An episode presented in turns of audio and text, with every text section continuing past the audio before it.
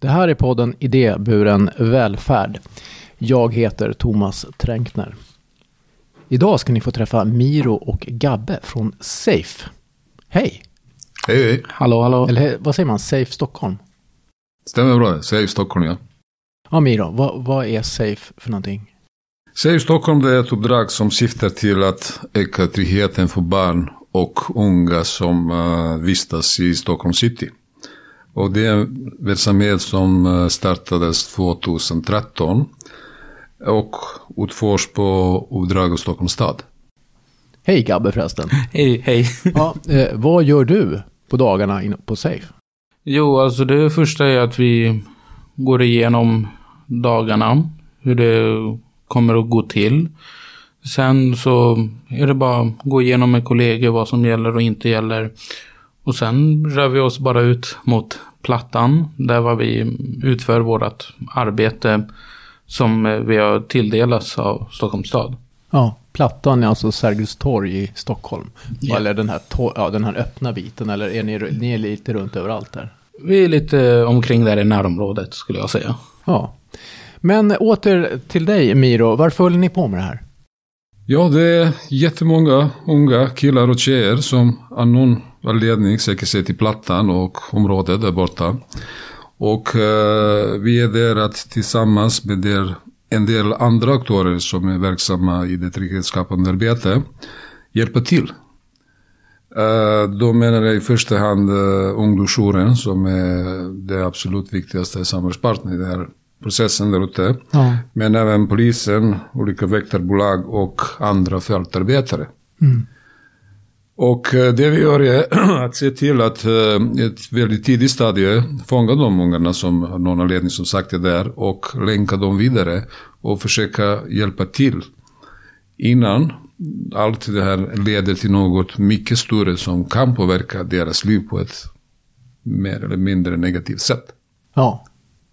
Men Gabbe, eh, hur går det praktiskt till det här? Vad är det ni egentligen gör? Eller du, är du själv där ute på Plattan? Um, alltså, jag är ju där ute med mina kollegor Ja. som jag jobbar med varje dag. Ja. Året om kan man säga. Ja. Och det praktiska sättet är att vi, vi går fram, samtalar med ungdomar och till exempel kollar hur de mår. Om de kanske mår dåligt så kan, så kan de prata med oss. De kan få prata med andra fältarbetare som uh, ungdomsjouren eller polisen om de behöver hjälp med det. Alltså det är, man kan säga det som att det är trygga vuxna i en otrygg miljö som vi vill hjälpa ungdomarna. Och som om de vill ha hjälp men också förklara just området och platsen de befinner sig på. Vad det finns för risker att vara där. Kan du ge exempel på något samtal eller vad som händer? Att du står där och så ser du någon som du verkar tycka behöva, du vill prata med, eller hur går det till? Alltså då är det ju att jag går ju fram till personen och bara kollar läget om personen mår dåligt. Då är det ju så här bara försöka få prata med personen och bara öppna sig för mig och förklara sitt bekymmer som jag mer eller mindre kan hjälpa med. Och eh, till exempel om eh, personen vill prata med polisen Ja, Ja, då kan jag se till så att personen får prata med polisen och kanske behöver hjälp. Men också bara prata ut. Alltså, har problem så kan jag koppla det vidare, länka det vidare till eh, ungdomsjouren till exempel. Men också bara kanske vill prata med mig bara eller mina kollegor. Då går det också jättebra. Så det är lite den delen vi gör. Jag och mina kollegor. hur många är ni? Hur många kollegor har du? Oj. Vi är väl Ska jag, typ... ska jag säga det? här? Ja. Men eh, i dagsläget Safe eh, består av åtta trygghetsvärdar Ja, som eh, är heltidsanställda, eller som ska vara heltidsanställda. Och vad heter det, en del eh, extra personal som är där dagligen. Och vi jobbar i princip alla dagar. Är det någon speciell tid på dygnet som ni speciellt är där? Som tidigast börjar vi klockan två Okej. Och då slutade vi de dagarna, vi började två vid klockan tio på kvällen. Ja. Sen eh, på fredagar och lördagarna då är vi lite längre ute och då slutar vi vid 03. Okej. Så då är, då är det nattarbete? Ja, det är nattarbete som gäller då. Men eh, de här eh, barnen, ungdomarna, vad är det för åldersspann på de här som ni möter? Alltså det varierar ju väldigt mycket. Det kan vara från 10 till um, 18 som eh, vi jobbar dagligen med. Ja, jag tycker... Men det är rätt varierande. Men eh, det är någon tendens som, vi har inte någon förklaring för. Eh, att allt yngre, framförallt tjejer, av någon anledning kommer till Plattan. Och det är det som Gabbe nämnde, de tioåringarna som kan komma till Plattan då och då. Det är just de som, Att man fångar upp dem tidigt Just- just. och försöker samtala med dem innan det blir att de börjar hänga på Sergels torg. Som bara kan skada dem själva i värsta fall. Men annars det är inte bara målgruppen det som vi nämnde, den är 13 till upp till 18 år. Vi hjälper till även de andra som är där av någon anledning också dagligen. Framförallt äldre missbrukare under vinterkylan. när Det är kallt och man har ingenstans att sova över. Då är också något för oss mer eller mindre naturligt att ringa runt och försöka hitta en plats där de kan. Sova under natten. Ja, just. Vad är det som lockar 10-18-åringar till att ta sig till Sergels torg och Plattan? Alltså, jag skulle nog säga att det är från olika håll. Alltså det kan vara ensamhet. Alltså ensamhet i skolan kanske, eller om vänkretsen. Då kan det finnas att de inte hittar någon i skolan eller där var de bor. Då tänker de, ja men vi kollar här då. Kanske man har hört från någon kompis, ja här finns det jättetrevliga människor. Men ja, det är lite där det kan dra sig till oftast, i min uppfattning i alla fall. Att det blir att de hamnar där. Hur länge har du, Gabbe, hållit på med det här? Oj, eh, jag tror att det är typ tre, fyra år. Så pass? Ja. Ja, det, man kan säga att det, en dag är inte samma sig lik. Som om jag jobbar en dag, sen nästa dag är inte samma, samma lik. Vad har hänt med dig sedan du började med det här? Har du, på vilket sätt har du förändrat dig eller utvecklat dig? Alltså jag har ju byggt upp min självkänsla väldigt mycket och kan tro på mig själv. Ja. Och eh, att jag kan ta utmaningar som jag inte trodde jag kunde göra förr. Mm. Men våga göra i dagens, i dagens situation. Och det är jag väldigt tacksam över. Men sen är det också, jag har ju fått den hjälp, hjälpen av min närmaste chef som är just Miro. Mm. Som har hjälpt mig i svåra situationer också. Och det är jag väldigt glad och uppskattar honom för. Vad kan vara en svår situation? Är det något exempel du kan berätta om? Ja, någon, men någon det- typisk händelse som, som, som du kände var svår? Ja, men det var ju med så här äh, först i att inte kunna hantera kanske en äh, sjukdomsfall på plattan. Som jag inte visste vad jag skulle göra. Men eh, senare så fick jag ju lära mig i situationer bara de små sakerna kan alltid göra de större saker bra. Små saker som kan kanske hålla folk på avstånd om de är nyfikna medan polis eller ambulans arbetar. Det var ju en svår situation för man visste inte hur folk skulle agera om att de skulle ta illa upp. Att man håller dem bara lite på avstånd. Men sen också hjälpa till och göra första hjälpen eller annat. Så det är, det är de jobbiga situationerna tycker jag mest. Det är sjukdoms, sjukdomsfallen. Finns det ingen risk att man blir lite hårdhudad efter ett tag? Att man tappar lite känsla? Men när man får vara med om så mycket och uppleva så, så mycket som du får? Alltså, jag, jag tror inte det alltså egentligen. Alltså det är ju, alla är människor. Jag tror inte att man kan koppla bort den känslan att man tappar mäns, mänskligheten för andra. Alltså empati. Jag tror inte att man kan tappa den i ett sånt här arbete. Det är väldigt svårt. Men vi är ett team där ute och vi står upp på varandra. Och eh, vi har pratat om det hela tiden. Inte någon bland oss som jobbar på CF är större än verksamheten. Och vi hjälps till.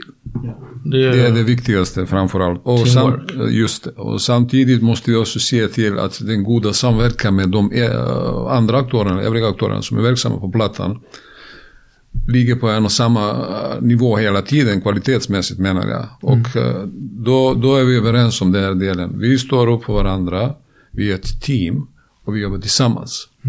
Det är det viktigaste.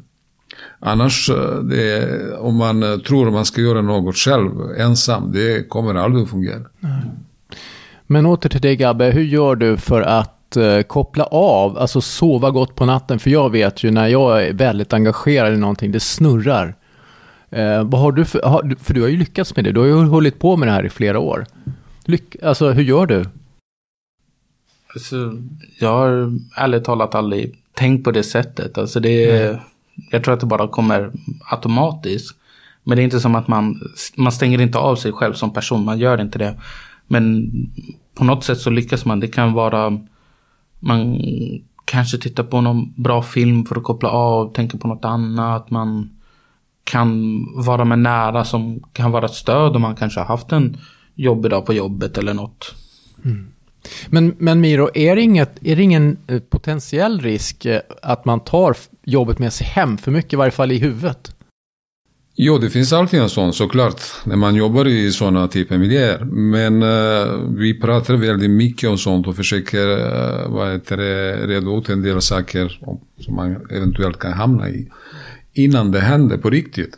Och eh, vi pratar mycket i våra personalmöten, samverkansmöten, hur vi ska hantera alla möjliga situationer där ute. Och eh, alla är i princip överens om i gruppen att eh, det här är arbete som gäller under de timmarna när man är här. Sen när vi går härifrån, tack och hej då är det som gäller. Ja. Och man måste hitta något sätt att koppla av. Och jättemånga inom SAFE tränar till exempel, eh, skriver, eh, tittar på film. Eh, det är mycket skoj, skratt innan och så vidare. Och det är det, det jag tycker, det är något annat som du tycker Gabbe. Alltså jag tänker, alltså, det är ju bland kollegor att man har ett bra humör. Alltså man skojar mycket för att hålla den positiva stämningen uppe. Och jag tror att det hjälper också en, även en bit på vägen när man kommer hem. Ja men det har kanske varit en jobbig dag men man har skämtat lite med kollegorna. Man tänker på det skämtet kanske. Men sen så håller jag väldigt mycket med Miro det han säger. Och sen så vet jag om man har väldigt tufft och man kanske inte har glömt det, en situation. Då kan man alltid vända sig till Miro och prata ut om det och hur man känner. Om det är jobbigt lite extra. Men vi sitter och pratar med varandra i princip hela tiden. Är det någonting som man är lite extra oroad för, det som händer där ute, det är saker som vi måste prata innan om. Och det handlar jättemycket om den här säkerhetsdelen, hur vi ska vara eller inte vara när vi är ute på plattan. Eftersom, eh, som vi redan pratade om, det är många olika eh, kategorier av människor där ute. Och på vilket sätt ska man hantera dem eh, utan att hamna i någon konflikt.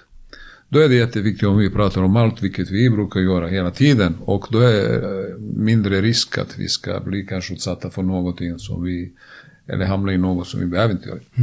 Om man tittar på de här åtta som, eh, och, och dig som jobbar i de här, vad har ni gemensamt? Om du skulle beskriva de här människorna, Gabbe som exempel och alla hans kollegor, eller era kollegor, vad, vad är det som är kännetecknar eh, er som är trygghetsvärdar? Vad har ni gemensamt?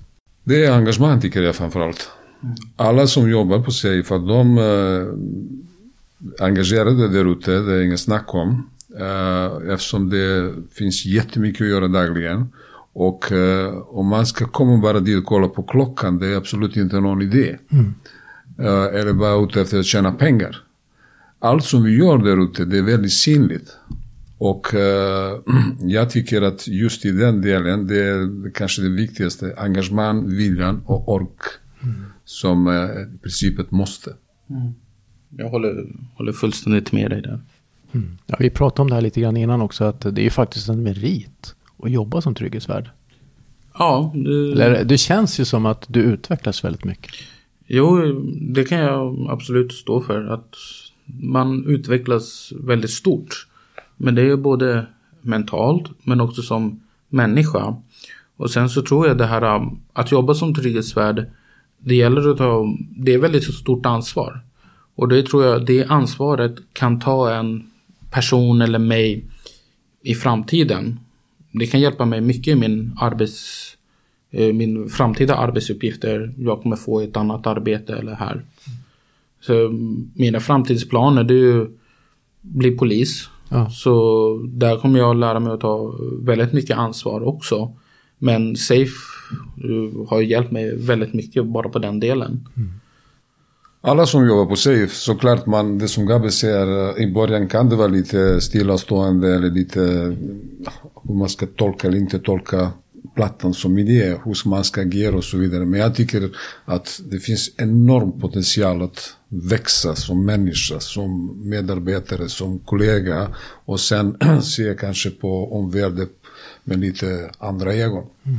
Och det som vi pratade om innan också, det är jätteviktigt att uh, berätta om också att vi har folk tidigare som jobbar på Save som har satsat vidare på sina egna karriärer. Det är en hel del som har gått över till olika väktarbolag till exempel. Mm. Men vi har även de som har satsat på akademiska karriärer. Uh, jag har nämnt en kille som jobbar med oss, pilot till exempel. Sen har vi två ekonomer. Sen har vi en uh, lärare, sen, uh, jag ska inte glömma bort en blivande tandläkare till exempel, och sen uh, en apotekarie och så vidare. Mm. Så det, det är två parallella spår. Att jobba inom verksamheten och samtidigt satsa på sig själv, vilket är väldigt bra tycker jag. Hur blir man eh, trygghetsvärd då, på Safe? Om man tycker att det här låter spännande när man hör Gabbe berätta hur, hur eh, liksom tar man första steget? Varför? Man kontaktar oss, sen kollar vi om det är någon människa, såklart om vi har möjligheter att anställa någon. Sen kollar vi om det är någon som passar oss och där är vi väldigt noga att inte eh, påverka gruppen på ett negativt sätt. Mm. Man måste vara prickfri i brottsregistret ett antal år. Det, mm. det är Men var hittar, var hittar man infon om Safe? Det finns på skyddsvärnets hemsida. Ja. Det finns alltid om oss. Bra. Ja. Ja, hörni, det här drog ut på tiden, men eh, det får göra det. Jag måste tacka er, Miro och Gabbe, för att ni tog er hit och pratade med mig och var gäster i den här podden. Tack själv för att vi fick komma. Tack själv. Och eh, det största tacket eh, riktar jag till dig som lyssnar på oss. Fortsätt med det och gå tillbaka och lyssna på tidigare avsnitt också. För jag vet att det finns massor av intressanta möten där. Hej då!